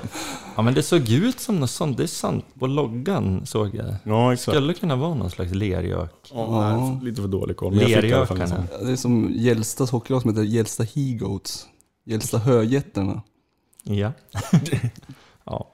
Ja, men heter lergökarna tänker jag. Nej, men, men jag skulle, nu är jag i och för sig partisk här, men jag skulle ju spontant att säga att patronerna är ett bättre namn än, än de här norska namnen. Ja, helt klart. Helt klart. Jag tycker ju att, eh, jag har varit inne, undrar om jag har varit inne på det i podden, det vet jag inte. Eller om, jag vet inte vad jag säger längre i podden och utöver. Men jag tycker att det känns som att du har känt dig, du har känt som en ännu större ledare i år på något sätt. Ännu mer så här lagpappa och en tryggare. Eh, det är min bild utifrån. Hur, hur eh, känner du själv? Jo men det kan jag hålla med om. Alltså, förra året var ju första gången jag var lagkapten överhuvudtaget på seniornivå och få göra det liksom i GIF Sundsvall där, där många stora ledare och spelare haft eh, den liksom, möjligheten och, och fått gjort det tidigare. Det var ju otroligt stort och hedersamt. Och det är liksom någonting som man måste växa in i också tror jag. Ehm, man vill ju liksom göra rollen till sin egen och de har ju försökt snappa upp liksom bra kaptener man har haft genom åren. Ehm, och och sen har jag, hade jag liksom Tommy som otroligt bra bollplank. Och när vi hade det som tyngst i fjol så, så vände jag mig mycket till Tommy också och frågade liksom om tips och råd. Och, så han har ju varit ett otroligt stöd i, i den frågan. Men jag tror väl att man har växt in det lite grann. Och, alltså vi har ju, vi har ju många ledarpersoner liksom personer och spelare i vårt lag. Och vi har ju ganska högt i tak också liksom. Och, ja, jag tror att det, man växer in i det och så tar man hjälp av, av de runt omkring. För oss supportrar så är det ju lätt att man ser liksom lagkaptensrollen. Ja, man ser ju att eh, det är någon som har en kaptensbindel på sig på plan och så ska man vara lite eh, pådrivare och ledare så här. Men vad innebär lagkaptensuppdraget mer än så? Nej men det är väl att man, man ska ta ett större ansvar över gruppens och, och lagets och föreningens mål eh, och vara drivande i den frågan. Och sen är det ju mycket saker också, att vara en förlängd arm från tränarteamet ner till spelarna och vara med och ja, bolla saker med, ja men som en mellanhand också med vad spelarna tycker och vad tränarna tycker och, så, och sådana där saker. Men som sagt med, med många ledare i laget så jobbar man också med ett spelarråd som, som tar många av de här praktiska frågorna och sådana där saker. Men det är väl liksom lite, egentligen bara ha ett, ett lite större ansvar över att se till att gruppen drar liksom åt, åt samma håll. Eh, och just det här med att leda på plan är väl den, den största utmaningen tycker jag. Men som sagt, där är det också mycket bra hjälp av, av spelare som, som tar ansvar. För att det är liksom svårt att se hela bilden och man är ibland fullt sjå med sitt eget. Liksom. Så att det är väl en bit som jag ja, försöker utvecklas i också och försöka ta ännu större ansvar ute på planen i, i matcher. Liksom. Får man också gnälla lite extra på domaren utan att veta att man kanske riskerar ett gult kort? Jo, jag brukar inte ta mycket gula kort, men jag tycker att de, de låter mig i alla fall prata till punkt nu med binden, så det, det, är i alla fall bra. Och sen, sen vet man ju vad de heter, så att när man kallar dem vid namn så brukar de vara lite snällare mot en också. Men det märker man, tycker att du har tagit en större roll där faktiskt i år också och kliver fram och säger ifrån att du markerar att du tycker inte att domslut är riktiga. Så här. Jag tänker i, igår på för det var fan straff. Eller, Nej, han var utanför då, men det var, det var i alla fall en frispark. Ja, det var det. Ja, men där märker man ju att du blir irriterad och ändå pratar med domaren om det. Jo, Sånt precis. uppskattar man ju. Liksom. Ja, nej men det är ju klart att man försöker liksom påverka väl fel ord, men man försöker ju säga, säga vad man tycker och försöka få förklaringar. Eh, dels för att man vet till nästa gång och samtidigt att man kan förmedla till laget liksom, hur nivån är och hur domaren ser på de saker. Och, ja, det enda man har lärt sig genom åren är att det brukar inte hjälpa att gnälla. Så det brukar vara bättre att försöka prata lugnt och sansat och, och sådär. Men jag har liksom gått efter matcher också och frågat eh, och pratat med domare efteråt eh, i lugn och sansad ton för att få klarhet över vissa saker. Och haft lite, lite klagomål på tiden och sådana där grejer. Men ja, det blir oftast aldrig bättre. Men det är klart att det tolereras lite mer när man har, när man har binden och, och har pratat med dem inför matchen. Man undrar ju varför inte Granqvist fick rött kort när han så fult kapade där mot Helsingborg. ja, det är helt sjukt att han inte får det röda, men det var väl för landskampen. Ja, säkert. säkert. Men det är ju kontakt, det ser vi ju på bilderna. Alltså jag, jag tycker ju att ja, jag tycker han, han stämplar ju i efterhand. Alltså ja. andra... Där vart jag ju satt på pottkanten, för jag kände liksom inte av att han klev på mig. Utan jag blev bara liksom, kände att det var någon som drog i mig innan och liksom blev uppgiven över att jag inte fick in bollen i mål.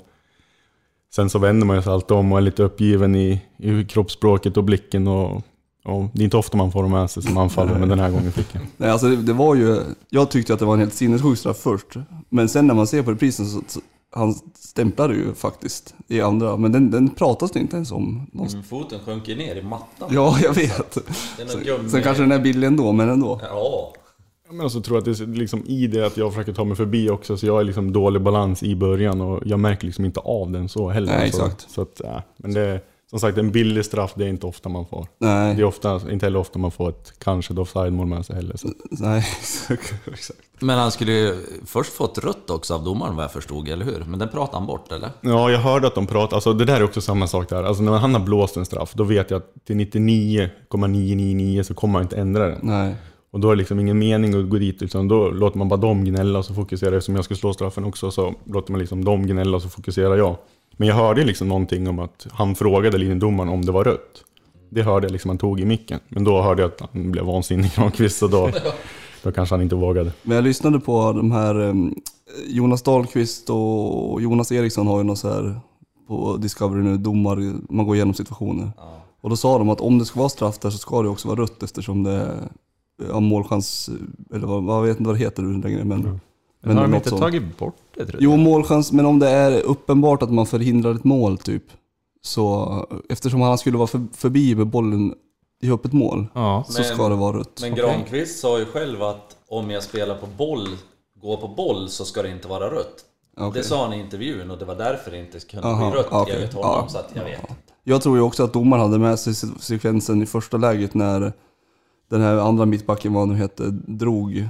Jag tror att det är det han tänker på också mycket. Ja, det kan vara det. För att det var, liksom, det var mest den som man blev uppgiven. Exakt. Sen så, hur mycket den hindrar mig inte, det vet jag liksom inte. Men då är det ju mer, alltså jag tror ju att regeln om jag har fattat den rätt, så är det att eh, tar man en, en frispark utanför straffområdet som förhindrar ett friläge så är det rött kort. Ja, exakt. Men blir det straff också så, så räcker det liksom att man har försökt att spela på bollen. Ja, så kan Så det vara. drar du i tröjan eller någonting och någon är fri och det blir straff, då får du rött ändå. Just det. Men tacklar du och försöker ta bollen så, så ska det vara gult och Ja. straff. Så att det inte blir dubbelbestraffning. Nej, just det. Så det är väl bra på ett sätt. Ja, verkligen. Eh, en annan grej som jag tänkte på med, med laget, att det är så stor skillnad på vissa alltså åldrar om man tittar på Johan Bengtsson är 17. Eh, jag vet inte vem som är äldst, är det Myrstam? Ja, precis. 34. Just det. Är, det. är det svårare tycker du att få ihop ett gäng när det är så stor åldersskillnad? Det kanske är en no-brainer, men Nej, alltså jag tycker inte det. Jag tycker att vi har en, en väldigt bra, en bra miljö i våran, våran grupp. Sen har inte vi liksom, det har ju pandemiåret har ju liksom påverkat oss utanför plan också. Vi har inte haft eh, frukostar tillsammans. Eh, Vi har i, i perioder inte duschat efter träningar utan vi har bytt om hemma och kommit ner och tränat och åkt hem. mm, Och det tar ju bort liksom också det här att bygga en grupp och bygga ett lag. Och, men trots det så tycker jag vi har fått ihop en, en väldigt bra gruppdynamik och, och lagsammanhållning. Alltså, grupperingar är det ju alltid på, på, på sitt sätt. Alltså, grupperingar låter ju som någonting negativt, men alltså, man kan inte umgås till 15 stycken Nej, hela tiden. Så är det ju. Men, och då är det ju lite grann att det blir kanske att man, man hänger lite extra med dem i, i sin ålder. Men jag tycker att det är väldigt så här, inkluderande miljö och jag hoppas alltså att de, de unga känner sig liksom verkligen inne i det, för att så uppfattar i alla fall jag det. Mm. Men det får ju de svara på själv. Men jag tycker att vi har fått ihop det väldigt bra. Jag, måste, jag tänkte på det i matchen igår, när alla byten var gjorda. Så var det ju, hur, hur pass mycket lättare är det egentligen? För det är ju mest folk från Sundsvall och, som är i truppen nu. Det kanske blir enklare också att bygga en grupp på något vis, man har någonting gemensamt. Men när alla byten var gjorda igår så var det väl Blasevic, Blomqvist och eh, låt oss säga... Ja just det, nej Stensson var ute. Stensson då. gick Då ut, var. Dahlström då, Dallas, som ja. var... Men resten var Sundsvalls killar i ett eller annat sätt. Blir det, hjälper det där till med en gruppdynamik? Eh, Både ja och nej ska jag säga. Alltså, det beror väl lite på, men det är klart att alltså, den mm, satsningen som har gjorts här nu med att ha mer lokalt och norrländskt i, i gruppen hjälper ju på så sätt till att det är många, alla bry- bryr sig om klubben, alltså förstå mig rätt. Liksom. Men de som är födda här och växt upp med den här klubben, det är klart att det är någonting extra. Eh, och det hjälper till att den, den glöden bör man liksom inte förklara, utan de vet om vad det är och vad det innebär för folket i stan. Liksom. Och, och sen är det liksom, alltså, några, några känner man ju sedan tidigare och det, de som kommer hem känner ju några sedan innan. Alltså om man tänker på, på dem också. Så det har ju blivit, alltså, det är inte så många nya som ska skolas in om man säger så. Hur tycker du då att eh, laget i år, du var ju med i fjol också, hur tycker du att årets lag står sig gentemot förra årets? Nej men det är väl klart att det känns eh, bättre. Eh, det känns som att de, de vi har tagit in har ju verkligen spetskvaliteter och, och, och bidrar liksom fullt ut. Och sen har ju de yngre har ju blivit ett år äldre och har tagit enorma steg, samtliga utav dem. Och, ja, blir, alltså, inte bara blivit ett år äldre liksom på, på pappret utan de har ju fått ett år med, med seniorerfarenhet. Eh, med träningar och många av dem, eller alla hade väl debuterat också. Liksom. Eh, så att, Eh, och så sen är det lättare, alltså de kommer ju upp i, i en klump om man får säga så, mesta av dem. Och det, det är ju ganska lätt för, för dem, för då har de någon som de känner när de kommer upp. Men sen har ju de under resans gång ja, blivit inskolerade i, i GIF Sundsvalls A-trupp också. Och vågat ta mer plats och, och allt vad det innebär. Så att, nej, jag tycker att det känns jättespännande. Och, alltså, vi har väl fått en, en fullt godkänd start och jag tycker att vi har blivit bättre under egentligen hela tiden. Eh, så att eh, det är väl egentligen det vi vill vara. Vi vill, vi vill utvecklas och jag tycker att vi skruvar detaljer i vårt spel hela tiden också som vi, som vi bygger på. Som, som gör att vi, det här kommer förhoppningsvis bli ett väldigt spännande år. Eh, Johan Bengtsson har ju varit inne på det där också, precis som du pratade om nu, att han har ju berömt din roll där och både din och Linus goda förebilder för, för honom och hans utveckling också. Eh, nej men första gången jag såg Bengan så, så var han ju uppe där och körde och då var jag liksom i chock när jag fick höra att han var ja, nyss fyllda 16. Eh, och, alltså, det finns ju enorm potential i den pojken. Och, som sagt, han är bara i början av sin resa och, och sättet han är som person och, och sättet han tar steg, det är, det är otroligt kul. Jag vet att Linus har varit inne i någon intervju och pratat om att när man blivit liksom uppe i åldern lite grann, att man får vara med och, och följa liksom en ny resa som ska starta, startas, ett nytt äventyr. Och, ja, då vill man ju försöka hjälpa till och ja, försöka få honom så bra som möjligt. Liksom, att han känner sig dels välkommen men också att han, man kan försöka hjälpa honom med, med tips och knep under, under tiden. Och Mm. Han är som en svamp, han, han suger in och han frågar och han lyssnar. Så att det, nej, men det är jättekul och, och spännande. Men det, men det ska vi inte bara säga om Bengan, utan jag tycker att samtliga liksom har tagit steg i den riktningen också. Att de är väldigt lyhörda och, och frågar om tips och knop och, och väldigt liksom lyssnar och, och, tar till sig. Eh, jag tycker att Bengtsson känns så otroligt eh, mogen liksom. Och jag vill minnas att första gången som du och jag kom i kontakt överhuvudtaget, tror jag, det var en intervju som jag gjorde med dig när du skulle spela skol-DM. Jag tror, visst gick du Pro Olympia? Ja, ja. Jag var, jag var på praktik på ST då. Och så var vi på Västhagen och gjorde en intervju. Jag vet inte om du minns det, men hundra år sedan. Men då slogs jag av att du var så oerhört mogen också i din personlighet då. Du var en stor talang då också. Eh, har, har du alltid liksom känt dig trygg i dig själv på det viset att du liksom har vetat vart, vart du står? För det känns som att du alltid har haft fötterna på jorden på något sätt. Eh, jo, men det tycker jag väl. Alltså, det har väl spelat in lite grann vilken väg jag, jag valde att ta. Liksom. Jag var ju uppflyttad i IFKs A-lag som, ja, som nyss fyllda 15-åring liksom, och, och sådär. Och debuterade med i innebandyns A-lag ja, precis när jag hade fyllt 15 den, den, höst, eller den vintersäsongen. Eh, så man fick ju den ganska tidigt att man var med, med de vuxna grabbarna. Mm. Eh, och det fanns ju liksom någon, någon lagfest där i IFK Sundsvall där någon frågade om jag, jag kunde skjutsa hem dem. Liksom. För jag drack ju så, såklart inte. Och då sa jag vadå på moppen eller? Så att han, han tänkte inte ens på att jag var, inte hade körkort, liksom. då var jag 15. Så att, ja, på ett sätt så har väl, det har väl växt fram, men också har jag väl känt att ja, man har blivit uppflyttad tidigt och, och fått vara med, med stora grabbar. Och då, då gäller det liksom att man ja, mognar på sig. Eh, Och det, är väl, det är väl kanske den, det som har speglat mig då. Så. Mm. Är det här någonting som, som du har nytta av liksom, gentemot Johan Bengtsson, tänker jag? Som, du var också väldigt ung när du slog igenom. Är det någonting som du kan ge tips och råd om till honom, hur man ska hantera?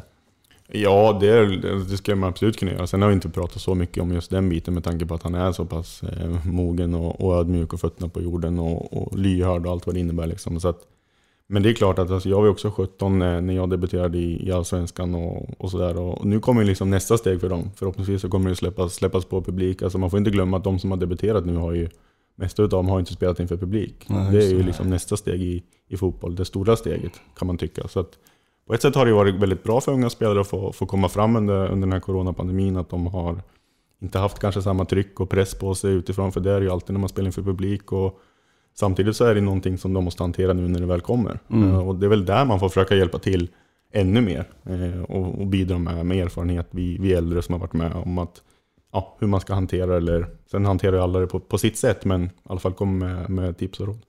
För där är ju många som har velat att vi ska slänga in juniorer lite, du vet så fort någon gör det bra så ska Bengtsson starta alla matcher och sådär. Många glömmer nog också att det finns ju en eh, baksida med att bara kasta in någon som är 17 in i hetluften. Det finns ju Dels ja, så kommer ju alltid publiken ha varsin åsikt om, om saker och ting och det kommer ju en press med att man liksom kan, ja men vi sitter ju här och tycker och tänker om saker och det finns forum och allt möjligt. Så det finns väl en, eh, kanske en fördel med att de har fått takta in i, i, i eh, hetluften också som du säger. För det blir ju ja, det blir något extra kanske att höra sitt, eh, ett bu när man slår bort en passning eller liksom vad fan hände där och hela den biten. Jo men det är klart, alltså, sen är det när man är ung liksom, så, så kanske man är mer känslig också, eller det är väl också individuellt, men det vet jag att jag också var. Och, alltså då, på ett sätt är det ganska mycket enklare att hoppa in, för de har egentligen ingenting att förlora. Nej. Alltså, så fort man börjar starta matcher så, så har man en helt annan press på sig utifrån också. Och då, då glömmer fort eh, folk om alltså, vilken ålder man är. Mm. Eh, Och, nej men det är klart att alltså, bli, bli skolerad in i lagom takt, det tror jag inte att det, det är ingenting negativt. För det, man vet ju hur man är som ung, och de flesta unga är ju det att man är ganska ojämn i sina prestationer också. Och det tar ju liksom ett tag innan man får den rutinen att man kan försöka hålla sig på en, eller i alla fall inte ha en så låg lägsta nivå. För det brukar oftast vara det, att man har ganska låg lägsta nivå men fruktansvärt hög högsta nivå. Mm. Så att då, ja, om man kommer in i det och får spela minuter och, och, och blir van vid liksom seniortempot först och främst och hårdheten och allt vad det är och sen publiken så, så tror jag att man bara kommer växa av det. För jag menar de allihopa har hela sina karriärer framför sig och det är liksom de kommer liksom få sina chanser och de ska få dem 100% när de förtjänar dem också, det är inte det. Men man, man behöver liksom inte stressa från en helg till en annan utan det, Mm. det kommer liksom, chansen kommer komma. Det kan ju vara ett självförtroendeuppbyggande som i Bengtssons fall då, som fått kommit in och gjort mål. Eh, Men det är också, kanske absolut inte för att förta hans eh, insatser på något sätt, men då har du och Linus kanske kört en ja, men 80 minuter där ni har stångats mot en backlinje och ni kanske, kanske leder med 1-0. Det blir lite ytor, han kan utnyttja sina styrkor och så får han fått göra lite mål som bygger självförtroende och så kan man komma in på det viset. Istället för att... Ja men det, det blir ju en press som du säger med att starta en match. Då förväntas man ju göra bra saker under åt- 80 minuter mot en backlinje som är pigg och liksom ligger rätt. Och så får man kanske inte hål och så blir det... Ja, Exakt det var Johan Strand inne på också i någon intervju här innan. ja matchen. exakt.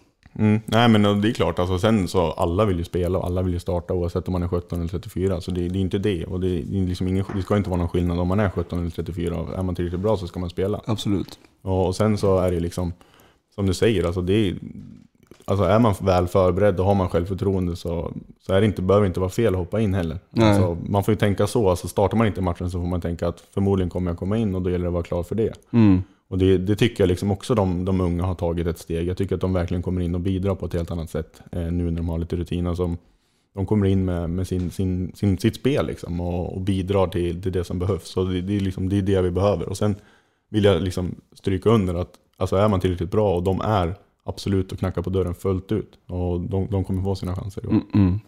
Det var väl Tony Gustafsson som var inne på det med game changers också. Att det Det inte var bara bra som startade. Ja. Ja, visst. Att det inte bara var startelvan liksom som var... Mm.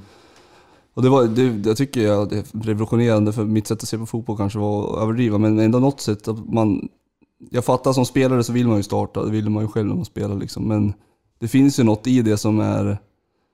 Speciellt om man är 17 och man kanske har en spetsegenskap i att man är rapp och man liksom ligger på rulle och sådär, då kanske det finns någonting med att spela sista 20 inledningsvis och inte bara starta liksom. Ja, nej absolut. Och sen är jag väl hundra på att Bengan vill starta matcher. Alltså det är Ja, ja visst, fullt absolut. med det. Men som jag säger, att alltså, du måste vara klar på Mm. seniornivå för att du, du behövs. Mm. du, kan liksom, du måste komma in och bidra. Mm. Och då måste du vara fullt fokuserad och, och klar. Även om du kanske är besviken för att du inte startar. Och det är det jag säger, att det, där tycker jag de, är, de har tagit steg. Sen säger jag inte att de var besviken och så förra året, men då var de ju mer färska. Liksom. Mm. Så att, nej men det, är- det är jättekul. Och vi har ju ingen jättestor trupp, alltså sett till antal. Alltså vi är ju, är alla friska så är det liksom två stycken som är utanför. Ja. Och det är liksom, peppa peppa, nu har vi haft ganska tur ändå, men man har ju oftast en, någon, ett par skador under en säsong. Mm. hör ju till liksom. Och då, då är de som sitter, sitter på sidan när matchen startar, de är ju alla, framförallt med fem byten, alla är ju aktuella för att hoppa in och spela. Ja. Och vi kommer behöva alla som är i våran trupp Mm. om vi ska kunna klara och liksom nå våra mål. Som är att bli, ja helst etta men i värsta fall tvåa. Mm. Eh, Och då, då kommer vi behöva alla. Och det är, liksom, det är väl det man som lagkapten också, om vi kommer in på det, att man försöker hela tiden trycka på eh, och, och få att alla känner att man, man är med och bidrar att man är viktig. Mm. För jag vet ju själv också hur det kan vara liksom, när man är gubbe 22-23 när man varit i större klubb, eller klubbar. Då, då kanske man inte känner sig så delaktig. Och då är det liksom på ett sätt, då ska du i alla fall känna dig delaktig i gruppen och, och sådär. Att du, du känner att du bidrar på träningar och hjälper till så. Mm. Framförallt för din egen utveckling men också för, för lagets skull. Mm. Mm. Mm. Du var inne lite nu på det här med, ja, ni, ni vill helst komma etta, men åtminstone etta, två. Det finns ju höga förväntningar på laget här och du vann skytteligan i fjol och så har Linus kommit in och så har Bengtsson gjort eh, succé nu då. Så att det är ju väldigt höga förväntningar. Framförallt kanske tror jag på offensiven från folk. Liksom. Hur, hur ser du på det? Är det bara roligt eller känner du någon press där? Nej, jag skulle egentligen svara att det är bara roligt. För i alla fall nu de sista fem sex säsongerna så, så känner jag att den pressen jag sätter på mig själv är väl den, den högsta pressen. Eh, och, och press är väl någonting som, ja, det, det får man leva med som fotbollsspelare på, på en hög nivå i, i en större klubb. Liksom. Och då, det hör till. Eh, och det är lite samma sak där som vi pratar om publiken. Alltså, det, det måste, man, måste man hantera. Och Mm. man måste lära sig att hantera det kanske. Men det är liksom, det är, jag tycker bara att det är kul. Jag menar, det är klart att det, det kan upplevas lite tjatigt ibland, men samtidigt så är det, jag, alltså jag spelar fotboll för att vinna matcher. Det är, liksom, det, är det som betyder någonting för mig. Jag, vill, jag håller på med lagidrott för att jag tycker om att göra det tillsammans med, med lagkamrater som, som jag spenderar tid med, som vi reser med och som vi liksom, där vi gör någonting tillsammans. Och liksom, det är därför jag håller på. Och det är alltså, min uppgift som forward är liksom att bidra med, med det jag kan och, och kanske i högsta grad att göra mål. För det är liksom någonstans den spelartypen jag är. Men jag, alltså, jag vill vi- bara vinna matchen. Det är liksom det som betyder någonting för mig. Mm. Och, och sen är man inte tillräckligt bra eller om man inte presterar, ja men då får man sitta på sidan. Mhm. Men det är fortfarande vinna matchen det handlar om. Och då är liksom pressen, ja, då får man hantera den efteråt då. Men så länge laget vinner och, och laget går bra, det är, liksom, det är därför man håller på. Eh, men eh, eh, omställningen av spelsystem, då tycker du att det har påverkat mycket i, i dina prestationer? För jag tycker att du har varit liksom än mer nyttig som liksom target och det känns som att du har tagit ett ännu större ansvar i år på något sätt. Tycker du att det har att göra med att du har blivit ytterligare ett år äldre eller har det att göra med spelsystem och, och sådana saker? Nej men det har väl nog mestadels med spelsystemet att göra. Och jag har ju liksom, jag har ju spelat ensam forward de sista fem säsongerna egentligen. Mm. Eh, och egentligen byggt, eh, byggt, byggt mitt spel efter det. Eh, och jag har spelat i, framförallt i Sandefjord, spelat i ett lag som var väldigt possession-lagd. Med två spanska tränare där. Och fick lära mig den biten, liksom, att då spelade jag med väldigt mycket bollskickliga spelare. Och min huvuduppgift var egentligen att hålla mig i boxen och, och försöka göra mål. Mm. Och då utvecklade jag liksom mitt mitt boxspel på, på ett sätt också. Och egentligen byggde vidare på det i Giffarna fjol, för det var väldigt mycket lika det, det jag hade haft i Sandefjord i två år. Och de, de två säsongerna i, i Sanne så var det lite mer, mycket mer kontring och, och hade en tränare som var gammal forward som, som brydde sig väldigt mycket om och att forward ska göra mål och forward ska vara fräscha när de, när de anfaller. Liksom. Och då hade jag en väldigt tacksam uppgift i försvarsspelet, liksom, där jag inte behövde bränna speciellt mycket energi. Men, eh, men nu med den här ändringen så, så förlorar vi ju på ett sätt en, ja Oliver Berg spelade ju där i fjol, en tia som, som löpte egentligen, han löpte meter för mig på något sätt också, så jag kunde verkligen fokusera på att bara försöka vara på rätt plats vid rätt tillfälle eh, i mångt och mycket. Men nu blir det lite annat med, med mig och Linus. Vi är på ett sätt ganska lika som spelare, även fast vi skiljer oss åt. Så då blir det att vi får dra det lite grann tillsammans. Eh, och Bengan är ju också ganska lika oss där, där framme och, och Palmen är egentligen lika så. så att vi är ganska lika spelartyper på ett sätt, vi, vi fyra som är uppskrivna som forward i den här truppen. Och, ja, då har vi, liksom, vi har jobbat på det här och försöka hitta våra roller och vi har lagt om lite grann. Och vi, liksom, det är det jag menar med att vi skruvar på detaljer hela tiden. Och vi, har, liksom, jag tycker att vi har kommit så pass långt nu att nu kan vi liksom börja prata om små detaljer på ett annat sätt än vad man kan göra när man håller på att sätta ett, ett stort eh, nytt spelsystem. Mm. Du säger det, ni har ju båda, eller du spelar mycket ensam forward, Linus också spelar mycket ensam forward. Nu, nu ska ni spela tillsammans. Det har varit väldigt mycket tjat i media också om att ni ska bli så samspelta och det ska tränas på det där. Jag fick för mig att du fnäste av nästintill åt någon eh, reporter på Dplay ett tag, att du var lite less på den där frågan. Hur, Ja, det var, det var Linus som, som blåste av den Ja, tror det jag. kanske var han som Ja. blåste av den. För jag, tänk, jag har tänkt på det där mycket. Och, men du är ju otroligt mycket mer, i mina ögon i alla fall, delaktig i spelet i år än vad det var i fjol. Fast du hängde in kassar. Men eh, blir man less på den här frågan? Liksom? Eh, ja, men det är väl lite grann tillbaka till det vi pratade om med press och sånt där. Alltså det hör ju till och jag, alltså jag förstår ju att frågan kommer. Eh, men det beror ju också på vad man har förväntningar, alltså vad, vad folk utifrån har förväntningar och vad vi har förväntningar på. på dels på oss själva men också varandra och vad, vad Henke och, och, för liksom, och Brian har för förväntningar på oss.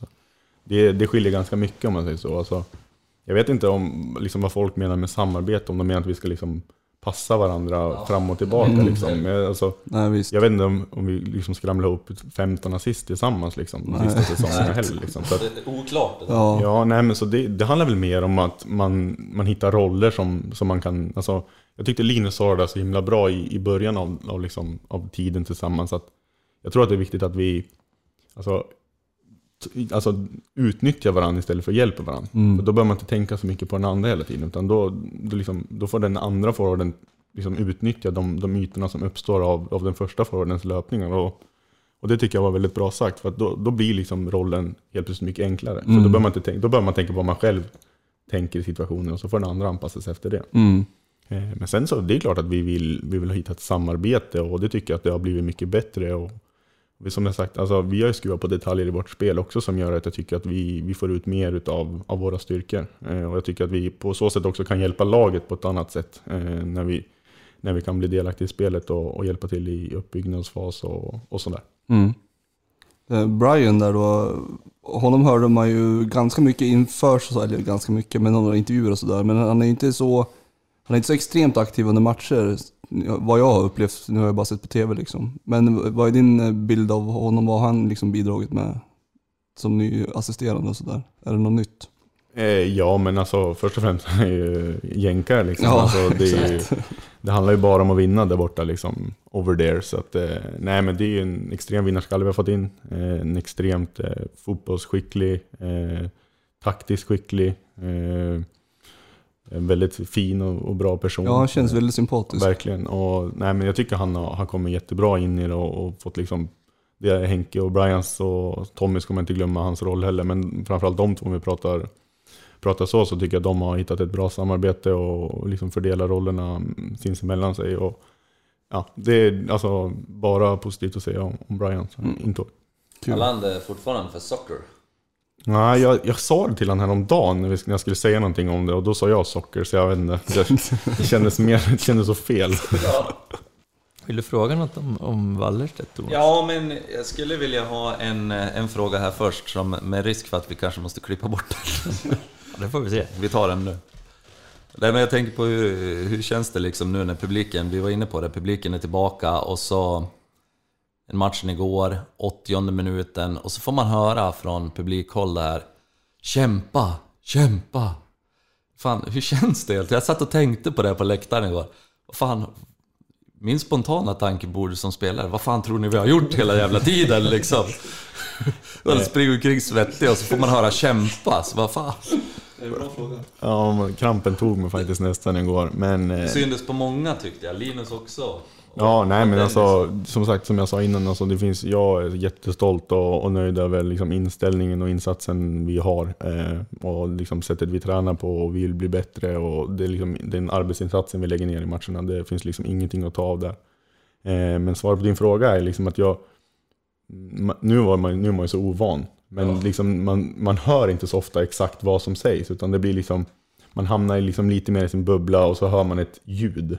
Okej. Och sen kan man liksom, när det är paus i spelet så kan man ju höra ramsorna liksom mer ord för ord. Men ja, det kanske också har lite grann med, med rutin att man, man, tar in, man tar inte in liksom när folk skriker kämpa eller När man har vad gör du? Eller, ja, kämpa. De har följt gå och hitta, få ner pulsen. Ja, det var ju bra. Nära att gå upp och sänka direkt på läktaren.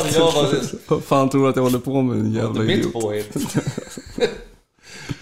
ja, men när vi ändå var inne på det då. Vi, vi pratade med Jonas Wallerstedt här innan och eh, om just nickspecialister och eh, vår avsaknad av nick, nickspecialister i GIF Sundsvall i år. Men han, eh, han nämnde ju dig. Han sa ju att du är Giffarnas bästa huvudspelare i år. Har du något, vad har du att säga om det?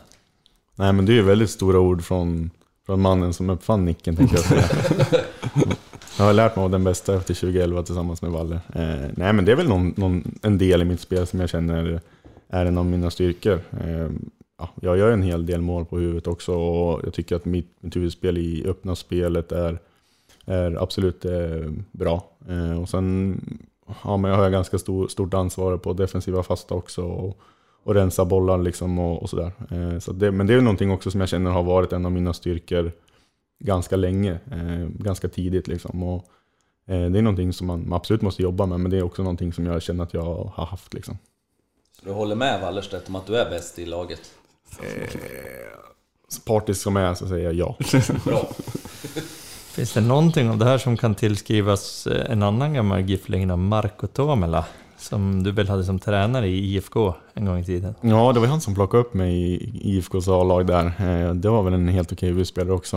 Eh, Så att, eh, nej men han har väl kanske, kanske någon procent med i det också. Ni har inte pratat om den bästa huvudspelaren någonsin i GIF Sundsvall, Mambo Mumbo. Ja, vi, har, Han har vi tänkte ringa honom först. Ja. det var Denkerts eh, favorit att ringa. Han nickar ju som jag skjuter. Ja. Det var han som höll på att förstöra allting i Ljungskile-matchen där 2007. När han gjorde två mål för Häcken. Mm, stämmer. Mot Sylvia va? Det har man ju sett de klippen där, eh, när de klipper mellan. När de rökte cigarr i halvtid, hur fan kan man göra det? Då snackar vi jinx. Ja, hyfsat. Men eh, vi pratade med Valle om det också, att både Wallerstedt är bara 1,80 och Mambo Mumba är ju, kan ju knappast vara längre. Jo, det måste han vara. Nej! Han är inte jättelång. En tvärhand han också. 1,85 skulle jag säga. Hur lång är du? 1,83 Ja, du ser. Jag ska söka på, på mamma och Mumbas längd här. Längd på vad då? Nu är det bra radio. Nej men alltså om vi, om vi pratar huvudspel sådär, alltså, jag tror ju det mycket handlar ju om, om timing och, och liksom att man vågar. Eh, att, man, ja, att man vågar sticka dit huvudet liksom och sådär. Så att eh, det, är, liksom, det har inte bara med längd att göra. Jag vill bara här flika in att eh, Mumba är 1,85 precis som jag sa. Ifall att någon misstänkte att jag inte kunde mina giftspelare. Johan Martinssons styrkor. Det är veta om en spelare höger eller vänsterfotad. Det är längd och Allt det om är... Kalle Anka Cup, 82. Å- Ånäscupen jag... Ja. Eh, vi ska väl också komma in på det Pontus, våran Jämtlandskoll som vi alltid har. Är du orolig? Nej. Börjar inte, vara det. Inte orolig. Nej, det är faktiskt så här. Vi har ju kollat bak här nu om det finns någon Jämtland, jämtländskt blod i Pontus Engblom och du behöver inte vara orolig. Det finns 0%. Ånstrand har gjort ett o, oerhört bra research här i lagkaptensarbetet skulle jag säga. Ja, nej exakt. Mamma är från Överkalix och jag tror farmor här är från, uppifrån Kramforshållet. Så, det, Ja, Ångermanland ja, Mm. precis. så att det skulle varit farfar i så fall då. Som det skulle kunna vara på den sidan. Ja, jag vet inte riktigt vart det tog vägen. Jag har inte papper. Men det var inte i närheten av Jämtland i alla fall. Utan det var nog också upp mot eh, Härnösandstrakten där. Så, det, Ja, det kan stämma. ja, så inga problem. Skönt. Det kommer att sluta. Hela GIF Sundsvalls trupp eh, efter den här säsongen kommer att sitta och släktforska så här. Ja, jag har ju sagt det förr att mitt hemliga mål är att det ska bli en ren släktforskarpodd av det här. precis. Men, men du som har bott i Norge Pontus, jag tänker så här, ändå, skulle inte Jämtland kunna passa ganska bra som ett norskt landskap? Annars, eller vad tror du? Jo, det känns fullt rimligt. Dra någon, dra någon gräns där och bara skänka, skänka bort. Ja, ja men det tänker du, din expertis här liksom. Så. Och kontakter kanske, för att genomföra det. Ja, jag ska Ja, säga genom telefonboken så jag hittar något lämpligt nummer. Det ska bli sjukt dyrt att åka till Åre. Ja, verkligen. Ja. För det är ju så billigt redan. ja. Men de har ju mycket pengar i Norge, så säg att de kan få det billigt i sådana fall. Ja, jag, jag kollar vad jag hittar i telefonboken. tack, härligt. Eh, jag kom på en grej nu apropå kaptenskap och apropå GIF Sundsvall. Så du hade ju, det vet vi inte, men du hade ju säkert anbud från andra klubbar när du kom tillbaks här. Ehm, och sen vann du skytteligan i Superettan förra året och det rullar på bra nu också. Men du ska väl inte iväg någonstans igen va? Du är kvar här nu. Nej, jag ska knacka på hos Urban och se om vi kan förlänga mitt redan tre och ett halvt år långa kontrakt. Så eh, nej, jag ska ingenstans. Skönt att höra. Jag såg att det var en aik som frågade Disco på Twitter ifall att det kunde vara aktuellt för dig att återvända till AIK. Jag, som sagt, jag har tre och ett halvt år kvar och jag, jag ska ingenstans. Ja, Mm, vi säger så va? vi gör det. Tack för att du kom Pontus. Stort tack Pontus för att du Ja, kom hit. tack. Tack så mycket grabbar. Vi börjar närma oss eh, slutet, men det blir ju ingen riktig patronpodd utan en toppen och botten. Och nu ser jag som vanligt att Johan och Thomas ser ruskigt taggade ut här. Och jag vet inte om det är för toppen eller för botten. Nej men eh, jag tar, min botten får bli eh, märkliga biljett... Eh, ja, haveriet kanske, ett bra ord, jag vet inte. Alltså svansföringen eh, när man har sålt liksom 250 biljetter och man, man är så oerhört stolt över det. Samtidigt som, alltså jag menar, vi har inte sålt 500 årskort och knappt gjort någon reklam för det. Jag fattar inte vad, vad som händer riktigt. Jag, jag, jag är helt så här skärrad över hela biljettdelen. Vi har, till slut så lyckas vi få iväg 500 biljetter, men det är ju också via att det är säkert en del sponsoravtal och det är väl säkert eh, biljetter som går till annat också. Eh, och det går flera dagar innan vi kan säga att vi äntligen har sålt 500 biljetter och det är så bra. Och samtidigt så sitter man och säger att vi hoppas på att folk ska köpa 7000 fiktiva biljetter till tidningen. Jag förstår inte riktigt vad man, eh, alltså vart eh, världsbilden känns eh, skev liksom. Varför skulle folk köpa 7000 fiktiva biljetter plötsligt? När vi knappt kan sälja 500 biljetter till en match. Jag, jag, jag fattar ingenting. Det, det, är min absoluta botten och min, också min absoluta frågeställning vad, vad det är som pågår egentligen. Min eh, toppen går till eh, den älskvärde och eh, dessvärre för tillfället eh, skadade, kanske han gjorde han 30 minuter sist, men, men den fine fotbollsspelaren Albin Palmlöv och den fina patronen Albin Palmlöv. Som eh, lyfte eh, supporterklubben eh, och supporterföreningen i tidningen som eh, en god hjälp för honom under sin skadeperiod. Och berättade öppenhjärtligt om eh, vad det betydde för honom och för, för, liksom, för stan och sådär. Jag tycker Albin Palmlöv är värd eh, allt smör i Småland. Och allt, allt vackert och jag hoppas att han blir, blir frisk och kan spela snart och få, få liksom visa det han har visat tidigare, att han är en bra fotbollsspelare utöver att han är en jävla kanonmänniska. Så att eh, min toppen går till älskvärde Albin Palmlöv. Man var med och hålla med på den. Det får man. Vi borde ha sjungit en sång för honom. Ja, det borde vi faktiskt. Det gör vi när vi inte spelar in. Det gör vi. För allas bästa. ja. Thomas då? Ja, då kan väl jag... eh, Eftersom jag är sist så börjar jag med botten så får vi avsluta med något toppen. sen, Så att alla blir på glatt humör när man lyssnar på Patronpodden. Eh, botten, det finns en liten del att välja på. Vi har varit inne på dem, Johan har varit inne på det nu i botten. Eh, växthuset, alkoholservering, shoppen, vi har varit inne på det. Men här kommer någonting nytt som ni inte har hört. Min botten idag blir våran intromusik till ja, coronapandemins förfalls första hemmamatch när vi ska spela inför 500 personer och vi väljer en reklamjingel. Norrlands Energi. Sug på den här ett tag och få det att sjunka in. Vad hände med det här vi står idag? Ja, det är helt... Det är också otroligt svårt att förstå.